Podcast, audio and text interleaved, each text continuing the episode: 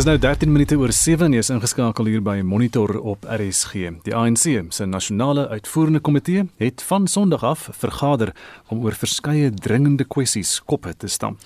En vir meer hieroor praat ons vanoggend met professor Dirk Kotse van Unisa se departement politieke wetenskap. Môre Dirk.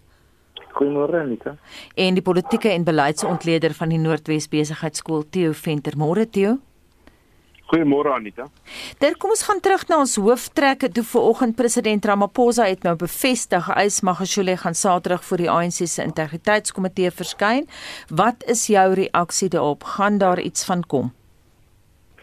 Wel ek dink hierdie besluit is in wese 'n kompromiebesluit. Ehm um, dit beteken hy hoef nie op sy te staan nie. Ehm um, maar daar gaan iets gebeur.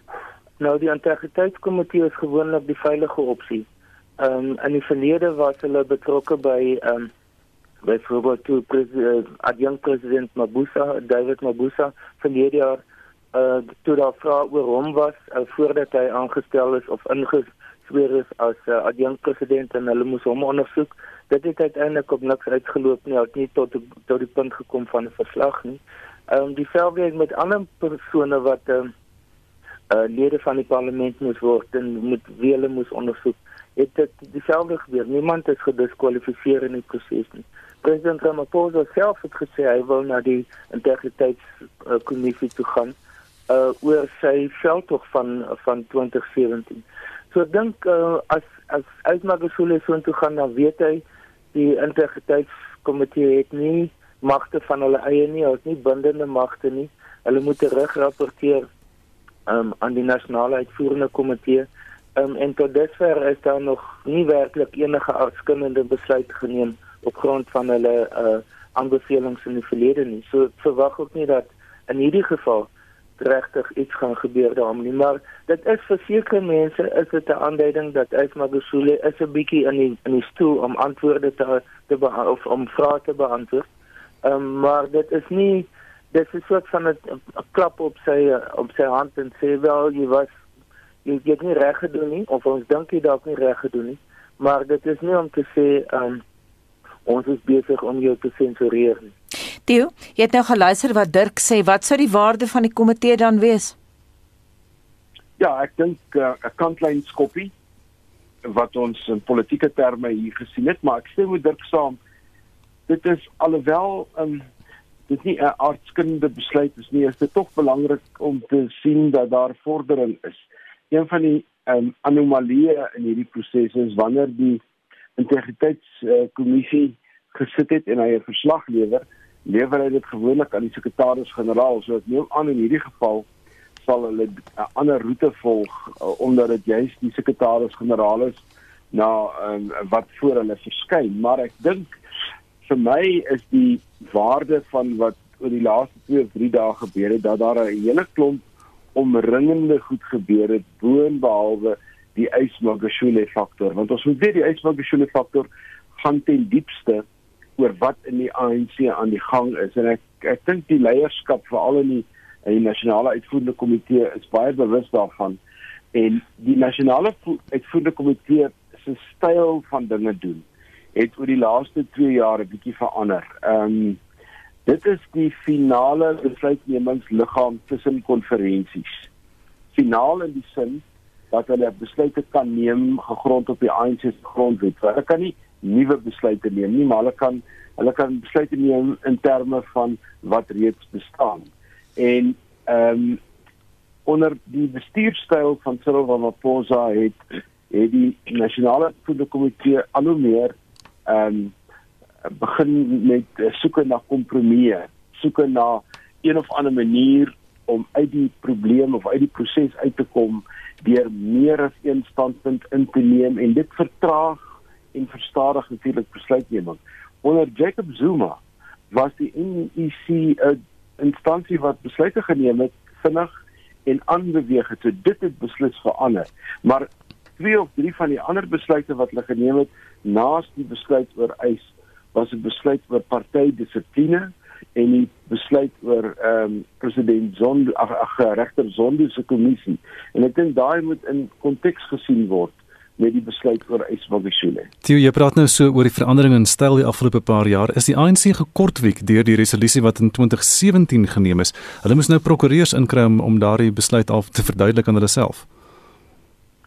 Dis 'n baie interessante vraag, ehm um, Gustaf, want die, die ek dink dan as ek regtel 5 regsopinies wat ook op die tafel neergesit is en in die verslag sê hulle dat die opinies is verkry deur van die officials. Nou as hulle praat van officials, dan is dit iemand in die top 6 wat die opinies gekry het. En en die besluite van die NEC veral hierdie besluit oor Ysmagashule en oor korrupsie en die die die die streep in die sand wat getrek is en ek dink dit was in Augustus of September um, is moreel etiese besluite wat geneem is gebaseer op besluite wat van tevore by ANC konferensies geneem is en in terme van die ANC se grondwet.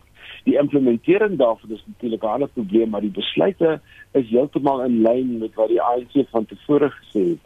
En ehm um, die regsopinies dink ek was 'n poging om om 'n vertraging in die proses mee te bring. Ehm um, en uh, en ek dink uh, dit het in daardie opsig het wel gewerk want dit het die aandag afgetrek van wat die nasionale uitvoerende komitee se werklike fokus is, naamlik om te kyk wat is in beste belang van die party nie noodwendig wat 'n regsopinie is die sterkste. Mm -hmm. Kom ons bly vir oomblik by die regsaspekte. Dirk, ek wil na jou toe gaan. Ons het nou gehoor dat jou kollega praat van 'n soeke na kompromie en so aan. Daar is verskeie regskenners wat ook glo dat individuele ANC taklede insette sal moet lewer in die verwydering van verkose leiers. Wat dink jy daarvan?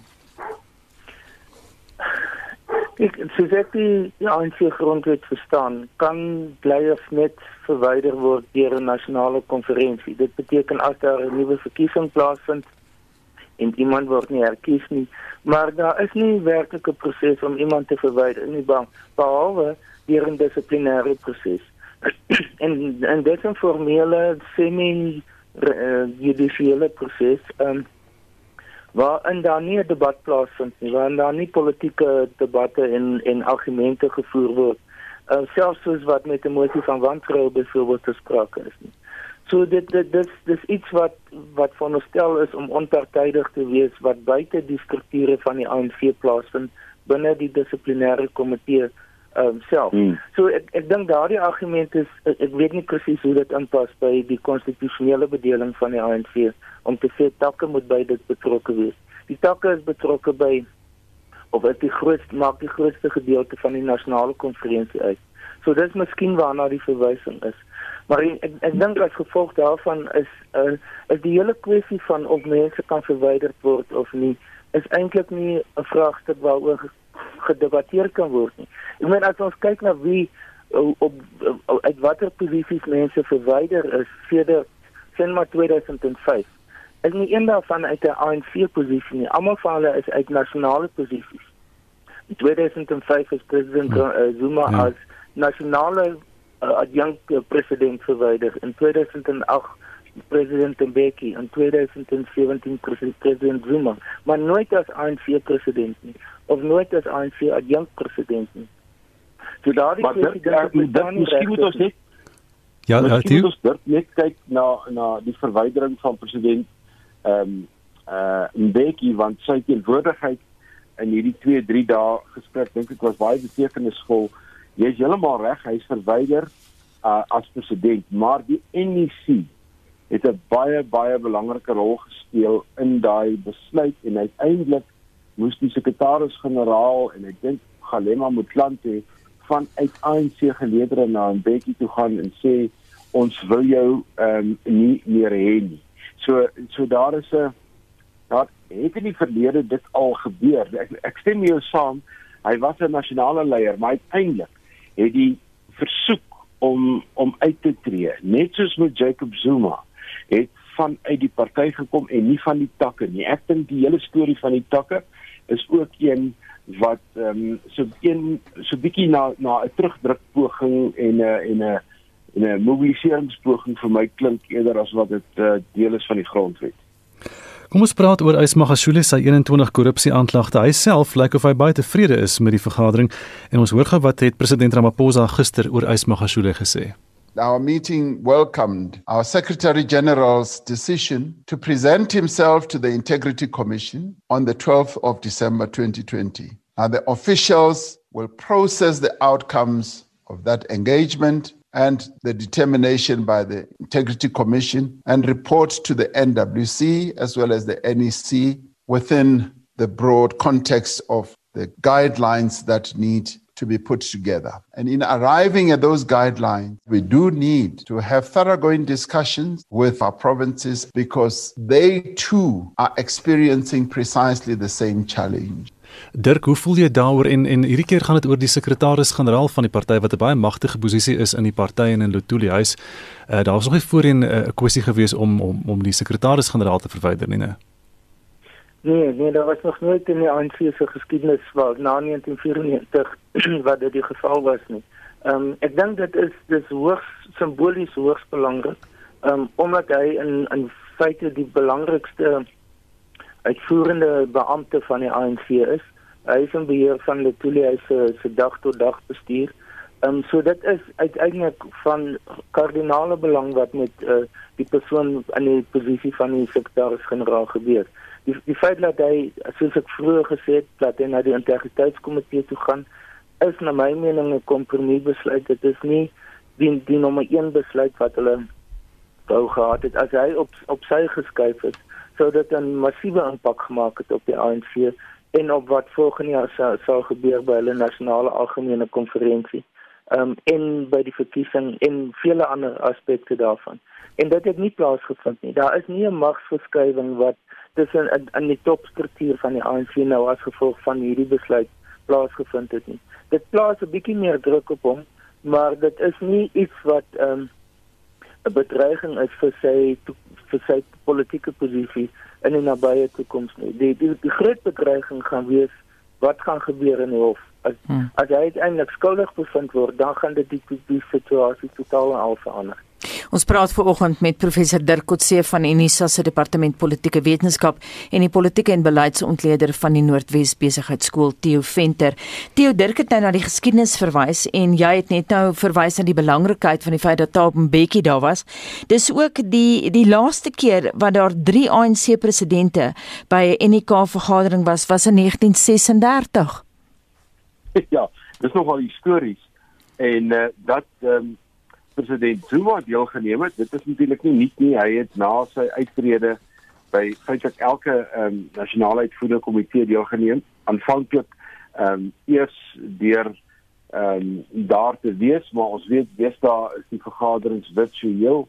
En wie waar dit sê die eerste sinnetjie van die persverklaring ehm um, lees nogal interessant so ehm um, the National Executive Committee sat in an ordinary virtual session.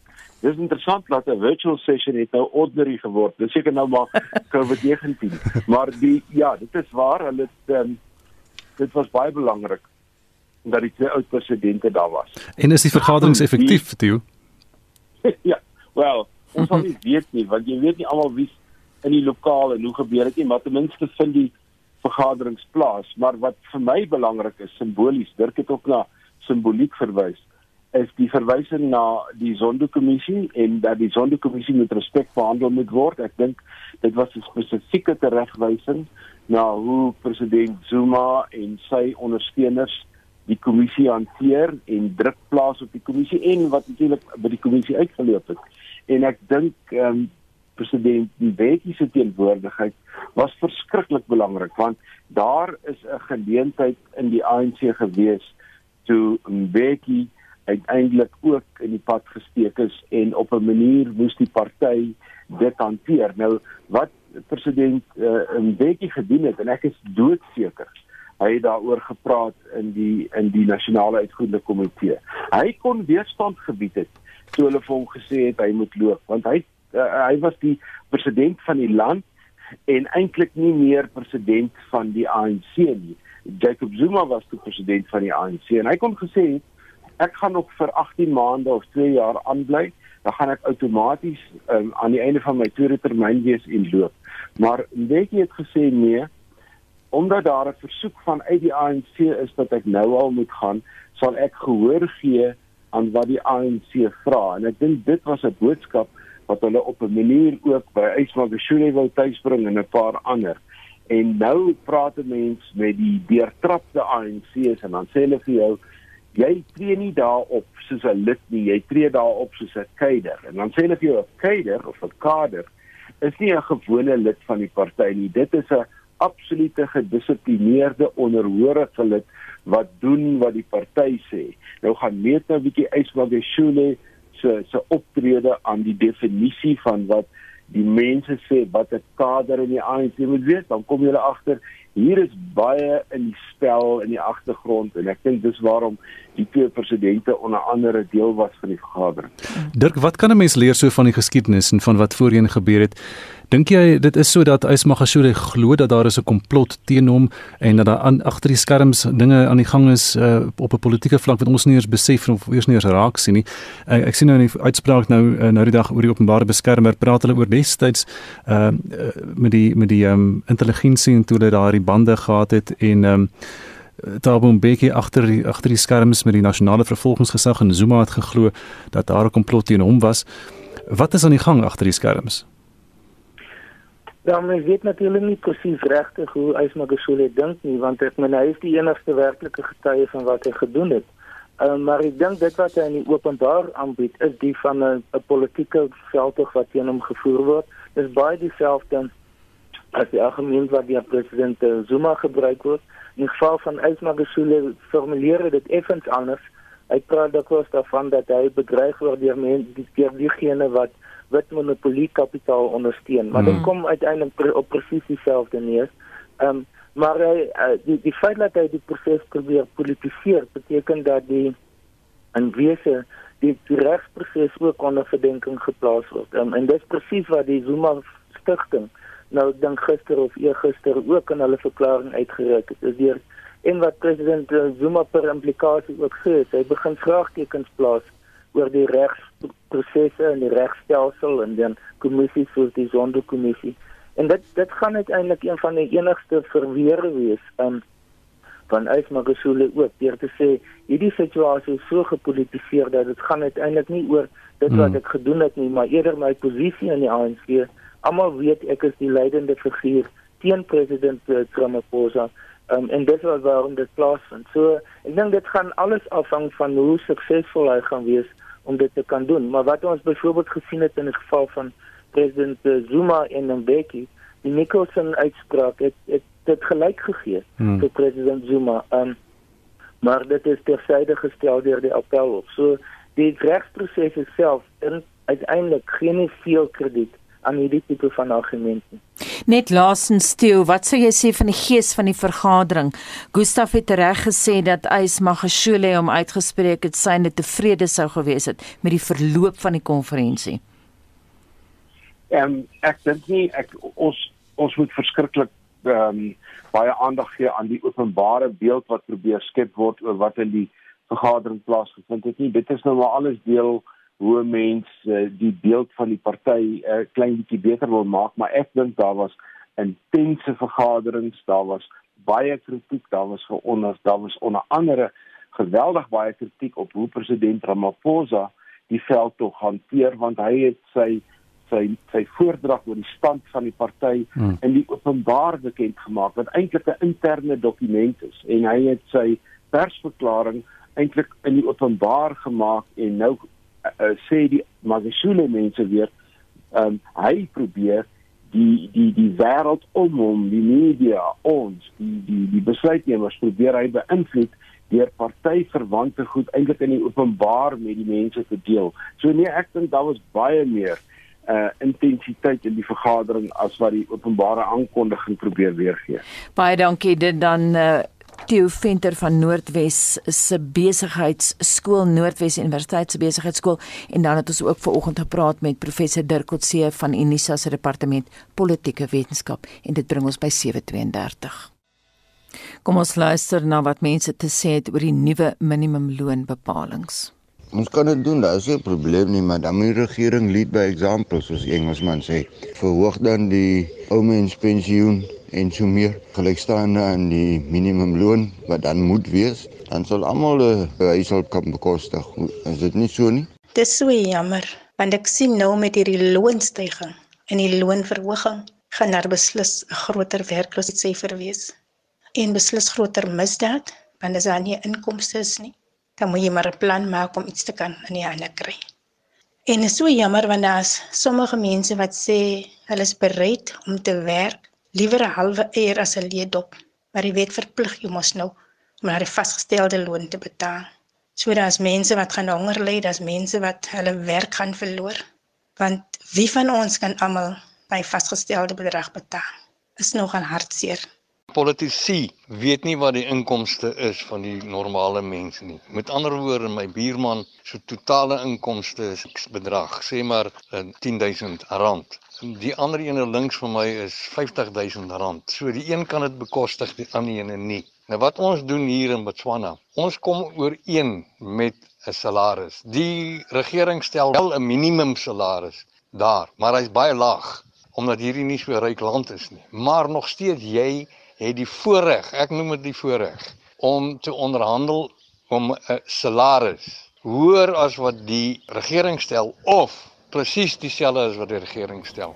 Dis nou 23 minute voor 8uur by Monitor en internasionale nuusfront word vandag oorheers deur nuus oor inentings teen COVID-19 en Marlene Forsie sluit nou by ons aan met die jongste en ons begin in Brittanje. Duisende mense is gister ingeënt reeds teen COVID-19 met die Pfizer-BioNTech inenting. En Margaret Keenan, 'n 90-jarige vrou, is die eerste in die wêreld om die inenting te ontvang. It was fine. I wasn't nervous at all. Go for it because it's it's free, and it's the best thing that's ever happened uh, at the moment. So, do please go for it. That's all I say. Verskeie mediese personeel is ook ingeënt en diegene bo 80 kry van nou af voorkeur. Verskeie inentingslokale en die VK is vol bespreek tot Vrydag en premier Boris Johnson vra intussen vir geduld te midde van die opwinding. I just urge people to contain their impatience. It's a very, very exciting moment, but there's still a lot of work to be done and a lot of discipline to be maintained. En dit was die Britse premier Boris Johnson. En van Boris Johnson na die nuut verkose Amerikaanse president Joe Biden. Hy sê intussen hy gaan 'n 100 miljoen inentings beskikbaar stel in sy eerste 100 dae in die Withuis. En dis nie al wat hy beoog nie.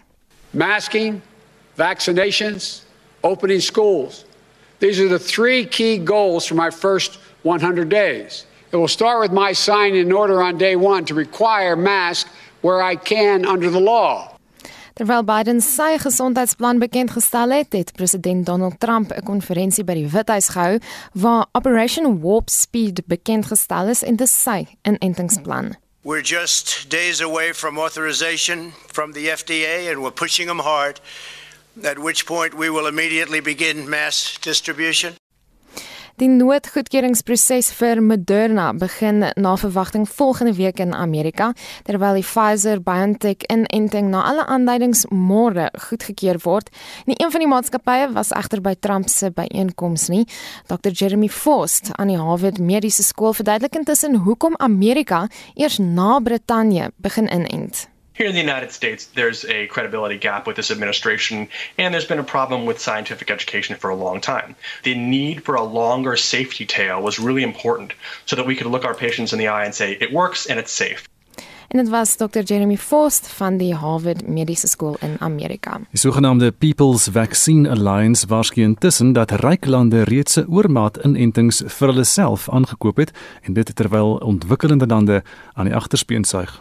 Organisasies soos Amnesty International, Oxfam en Global Justice Now waarsku dat 70 laer inkomste lande slegs 1 uit elke 10 mense kan inent en dit ten spyte daarvan dat Oxford AstraZeneca wat nou in Suid-Afrika getoets word, beloof het om 64% van sy dosisse aan ontwikkelende lande te bied.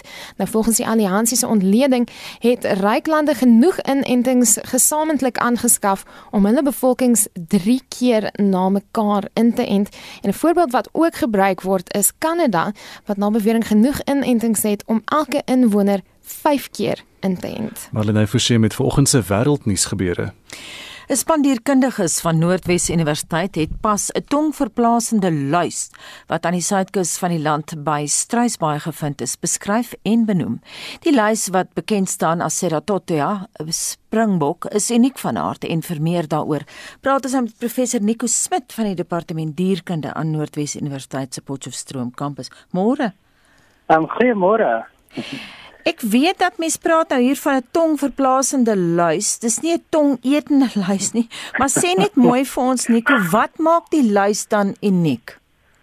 Ehm um, so ja, dit is 'n ongelooflike unieke spesies van ehm um, wat dit doen is dit gaan sit op die op die tong van die vis en dan en dan veroorsaak dit hoe die manier hoe dit vasklou aan die tong dat daar geen bloed vloei na die tong toe kan gaan nie en dan um, verrot die tong, so die tong verdwyn net so 'n bietjie. Hmm. En dan dan um, funksioneer hierdie um, goggaatjie hierdie hierdie lys soos die tong van die vis. Ehm um, so vis het 'n tong nodig om sy kos vas te druk teen sy boonste verhemelte. En omdat hierdie ehm um, ehm um, lys deel is van die crustacea familie, so crustaceus is daai ehm um, hulle noem dit die insekte van die see wat 'n harde exoskelet het dit is hy baie harde dop, so dit beteken hy kan lekker werk soos die tong. En wat dit baie uniek maak is dit is die enigste ehm um, voorbeeld in die hele diereryk waar een dier 'n funksionele liggaamsdeel hmm. van 'n ander dier vervang en dan funksioneer soos daai liggaamsdeel. So ja, so dit is 100% unieke 'n 'n unieke organisme. En die goeie nuus is die vis hoef nie te vrek nie, want daai lys vat dan die tong se funksie oor. Ja, ja, so ons het ons nogal ja wat studies gedoen om te kyk na wat is die verskil tussen tussen die kondisie van 'n vis met 'n lyf in die mond en 'n vis um, sonder. en ons kon op hierdie stadium kon ons nog nie verskil kry in dit nie. So dit beteken um, al wat die die die, die lyf dan verder doen is hy vat net 'n bietjie van die kos van die vis. Die vis net 'n klein bietjie meer eet en albei is 100% gelukkig. so dis 'n perfekte voorbeeld van goeie simbiose. Ja, nee, dit is perfek. En dit is dis 'n interessante ding van parasitisme is ehm um, evolusionêr ontwikkel dit in die rigting van simbiose want op die ou ende ehm um, as die as die wat oorspronklike parasiet was afhanklik is vir die voortlewing van die gasheer dan beteken dit dit moenie die gasheer doodmaak nie. -hmm. So en en dan ontwikkel hulle hierdie simbiotiese verhouding waar waar albei kan kan voortbestaan saam. Sê vir my, kies die luis 'n spesifieke soort vis? Ehm um, ja, dit is baie interessant. Hulle ehm um, wie ons het gevind dat daar sekere ehm um, visgroepe ehm um, ehm um, soos byvoorbeeld hierdie hierdie ehm um, spesifieke spesies kom voor in die dis die sparrows. Dit is die die ehm um, breams, sea breams word hulle genoem. So dit is dieselfde groep waar jy kry koolsterte en en jy kry uh, mosselkrakers. Um um hulle dit lyk dit wil voorkom of die monde van daai groep visse is sodanig dat dit perfek werk vir die vir die um visluis om om in in die in die mond te kan wees. So ja, so hulle is redelik um spesifiek tot sekere spesies visse. Um um en dan van hulle het ons nog net gekry op sinema twee of drie verskillende spesies visse en nie meer nie. So ja, hulle is nogal nogal um, spesifiek op wat se vis hulle kan wees. Nico, hoe het jy en jou span op hierdie lys afgekom? So hierdie hierdie spesifieke eenheid ons um gekry toe 'n visserman um van van um, um Soulboy vir ons die lys gestuur en gesê hy het hierdie ongelooflik interessante um ding gekry in in die vis se mond. En en hoekom dit maklik is vir visserman om hulle te sien is hulle word geweldig groot um um gewoonlik as 'n mens dink aan 'n parasiet of 'n simbiont dan dink jy aan iets wat jy net onder 'n mikroskoop kan sien. Mm. Maar hierdie hierdie een spesifiek is die grootste een wat nog ooit gekry het. Dit word tot 6.5 cm. Um so ek jy kan hom nie miskyk nie.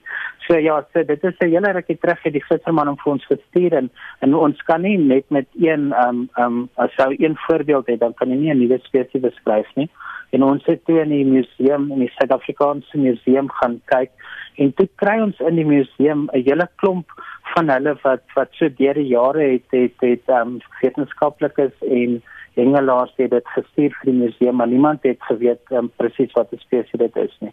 So met saam met die oorspronklike ene van die hengelaar ehm um, saam die museum ehm um, materiaal en toe baie toevallig ehm um, so rukkie terug het my my broer wat in die Kaap bly, hy het ook van hulle van hulle gekry by 'n visserman wat besig was om vis te koop, vir te verkoop. Hmm. En toe met almal die bymekaar het is genoeg ehm um, dit is genoeg um, specimens om 'n spesies te kon beskryf. En ja, dit kon ons hierdie ene beskryf. Ek is nou bly jy verwys weer na die beskrywing daarvan soos wat ons in die inleiding gesê het. Wie se idee was die naam Springbok? Hoe besluit julle wetenskaplikes ek gaan iets nou dit noem of dat noem? Ja. Ja, so dit dis 'n baie interessante een. As ek die oorspronklike idee van um, van 'n naam gee vir 'n organisme, as jy kyk na na wat is 'n baie unieke kenmerk van die organisme en dan en dan um, gebruik jy daai kenmerk en jy maak dit in Latyns of Grieks. Dit is die tradisionele metode. Um, maar dan is nou dan natuurlik as dan al kom spesies is en en daar's nie so baie kenmerke nie, dan begin daai kenmerke op te raak wat jy kan gebruik vir spesiesname. So dan 'n baie ander um maniere wat mense gebruik is jy kan of die lokaliteit waar die plek waar die waar die nuwe spesies gekry het gebruik as 'n spesiesnaam of jy kan dit vernoem na 'n persoon of jy kan dit noem na na iets wat uniek is van daai area. So ons het besluit hierdie hierdie is so unieke organisme um en iets wat baie uniek is in Suid-Afrika en wat die hele wêreld ken is die springbok. So uh, ons het besluit luister as die mense die woord springbok gaan gaan mm. sien dan gaan hulle weet presies waar dit vandaan kom. So um so ja, so ons het besluit kom ons kom ons noem dit Kratosaurus springbok. En die grootte natuurlik van die spesies ook. Nico, julle het nou in 'n vaktydskrif gepubliseer wat 'n soort terugvoer het julle gekry van julle kollegas internasionaal. Ons ons het regtig baie goeie um, terugvoer gekry. Ons is bevoorreg geweest dat die ehm um, dat hierdie artikel het verskyn in 'n in 'n spesiale uitgawe um, van die internasionale joernaal vir ehm um, parasitologie. Dit is 'n spesiale uitgawe wat hulle gedoen het op ehm um, visparasiete spesifiek. En ons is toe uitgenooi om 'n bydrae te lewer. So ons kon toe hierdie hierdie parasiet beskryf hierdie simbiont beskryf binne in in daardie artikel en um, en ons het baie goeie terugvoer gekry op sosiale media en um op Twitter en en, en al daai tipe van goeters en dan ook van ons kollegas self het ons gekontak oor die spesies van um deel van die artikel wat ons gedoen het het nie net gegaan oor die spesifieke spesies nie maar ook oor die hele groep um tongverplaaser Isopoda um so ons het 'n mersiening gedoen van van die verspreiding van van hierdie groep organismes en en 'n verskriklike interessante goeters wat ons ook gekry het in ons literatuuroorsigh is byvoorbeeld um hulle het begin kyk na die medisinale um um gebruik van van um ekstrakte van hierdie van hierdie tongverplaaser um hmm. vleis. Hmm. En hulle het hulle het gekry en dit is um wetenskaplikes in China het gekry dat um jy kan dit gebruik vir ulcers. Sure. Um en en verwond verwond genesing. So nou ja. Hoe hoe hulle besluit het om dit te gebruik vir mediese navorsing, is ek nie 100% seker nie, maar dit is net ongelooflik wat jy kan doen. baie baie dankie en baie geluk, so sê professor Nico Smit van die departement dierkunde aan die Noordwes Universiteit se Potchefstroom kampus. Kan jy glo daar's 'n lys nou met die naam Springbok? Dis 11 minute voor 8 uur by Monitor op RSG. En die internasionale Olimpiese Komitee het vier nuwe sportsoorte goedgekeur vir die Olimpiese spele wat in 2024 in Parys gehou word. Branderplankry, skaatsplankry, klimsport en breakdans sal vir die eerste keer ingesluit word. Nou die organiseerders van die Parysse spele het hulle 'n motivering gesê hulle wil 'n program aanbied wat tred hou met die tye en 'n jonger gehoorlok. En ons fokus dan nou vanoggend op sogenaamde breakdancing. Tyler dip dive dip. You might break your hip to the sound that's legit. I come to make a hit. I usually bust scratches for my brother CL Slow, but I decided to get wrecked on this groove. As I provide this slide, you're going on a ride. I know the weather's nice, there's no need to play the outside. Guess who's on the flyer? The man of your desire, Pete Rock and CL Smooth all the honey. Nou ons meer hieroor te vertel, verwelkom ons volgende vir Shaquille Southgate van die Suid-Afrikaanse Breaking Vereniging. Shaquille, goeiemôre. Hi, goeiemôre dan. En ook Darryl Kutse van die Beat Rockers Academy of Dance in Gauteng. Darryl, môre. Hallo, goeiemôre. Kom ons begin by jou Darryl. Ons ken nou almal Leon Schuster se bietjie break dance, sy boete Bessie Beat Boy, maar verduidelik vir ons waaroor gaan break dancing want dit is nie oor die Afrikaanse breek nie. Uh eerste baie dankie dat julle my op die show het.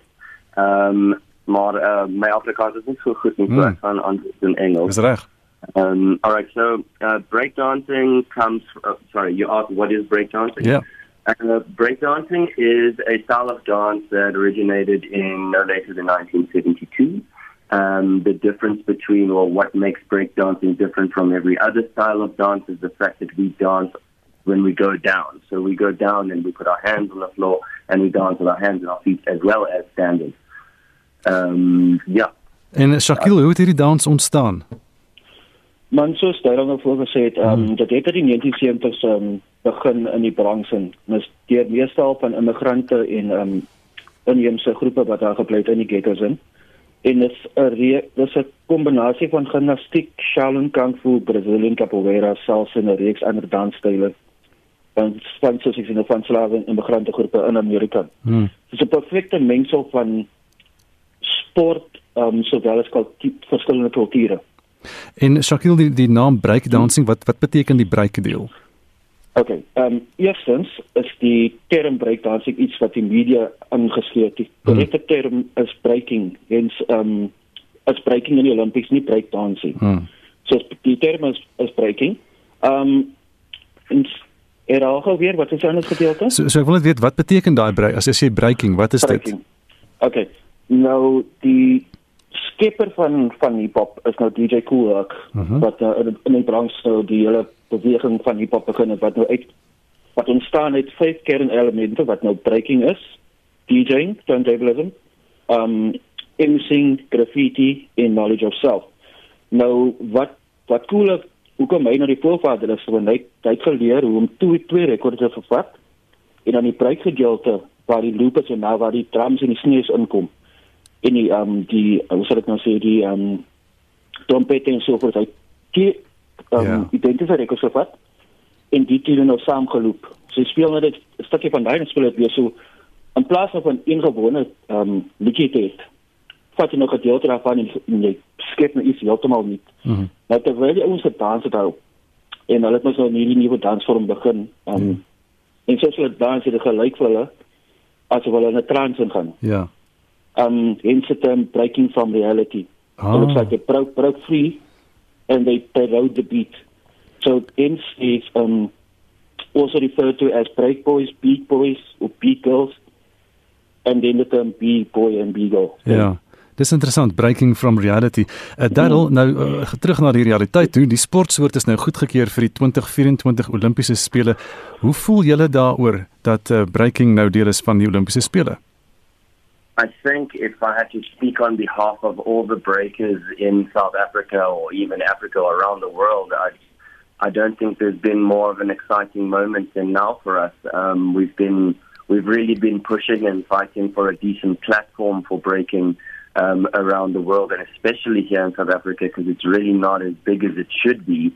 Um, I think we have now an opportunity to grow the scene and grow the sport um, for the magic that it is. Uh, we are exceptionally excited. I can't even tell you, like my skin is, is in gooseflesh right now just talking about it. It's fantastic. We're absolutely excited. Daarom maar daar is mense wat nou nie baie van 'n idee hou nie. Nou wonder hulle hoekom is hoekom is dans 'n Olimpiese sport? Kan jy vir ons verduidelik hoekom is dans 'n um, sportsoort en nie so maklik noodwendig nie? I would say that breakdancing would be considered a sport because it's it requires as much athleticism as any other sport, if not more. So, I mean, like if you look at a sport like swimming, it's great. You know, you use your entire body. Breakdancing, you use your your entire body too. Um, you know, I don't see why bowls would be a, an Olympic sport. um, you know, and breakdancing shouldn't be. Uh, it's it's really high intensity and high level movement, um, and it really requires a lot of training and skill um, to achieve a level that you know with, that allows you to go and compete. Hmm, veral as jy as jy dink aan van daai winter Olimpiese sportsoorte is daar 'n paar vreemdes daar ook. Uh, Shakil, is daar plaaslike talent hier in Suid-Afrika wat jy nou dink Suid-Afrika op die wêreld verhoog sal kan verteenwoordig by so Olimpiese spele? Ehm um, man, om eerlik te wees, daar's talle. Daar's talle talent, daar's ehm um, onthou net dat ons het al vir die afgelope 20 jaar onder Battle of the Year South Africa en die African Hip Hop Ndaba. Ehm um, ongeveer oor 200 dansers oor see gestuur ehm um, na Battle of the Year in Germany toe. Dit word nog steeds heidaglik in Frankryk ehm um, aangehou. Ehm um, maar dis basies die die wêreld b-boy kampioenskappe. So vir jare kom maar crews van oor 20 um, lande om te kompeteer. So Suid-Afrika het al 'n paar goeie ehm um, crews sou ek sê die mm -hmm, die wat hier gaan, sowel as individue wat ehm um, wat Suid-Afrika gerepresenteer die huidige kampioen in Suid-Afrika as B-boy the curse uh Brandon Peterson. Mhm. Uh -huh. um, wat hy was laas saam met my gewees in in Montpellier wat hy Suid-Afrika verteenwoordig het. Maar as as 'n sporttalent en daar's nog 'n klomp talent wat wat sal ek nou sê gedevelop kan word vir die is nie net die Parys um Olimpiese spele sien nie, maar se wel as die Dakar uh 2026 um jeug Olimpiese spele. Okay. Sodat daar's twee twee verskillende age groups sal ek nou sê wat kan kompeteer. Shaquille net so vinnig laastens, jy is ook 'n direkteur van Heal the Hood. Dis 'n projek en uh, kan jy vir ons vertel hoe julle hierdie breaking dance van julle gebruik om kinders te kan help? Ehm um, ek as die senior koördineerder, mm -hmm. nie die direkteur nie, dat ek was. Ja, ja. So ek sê met daai.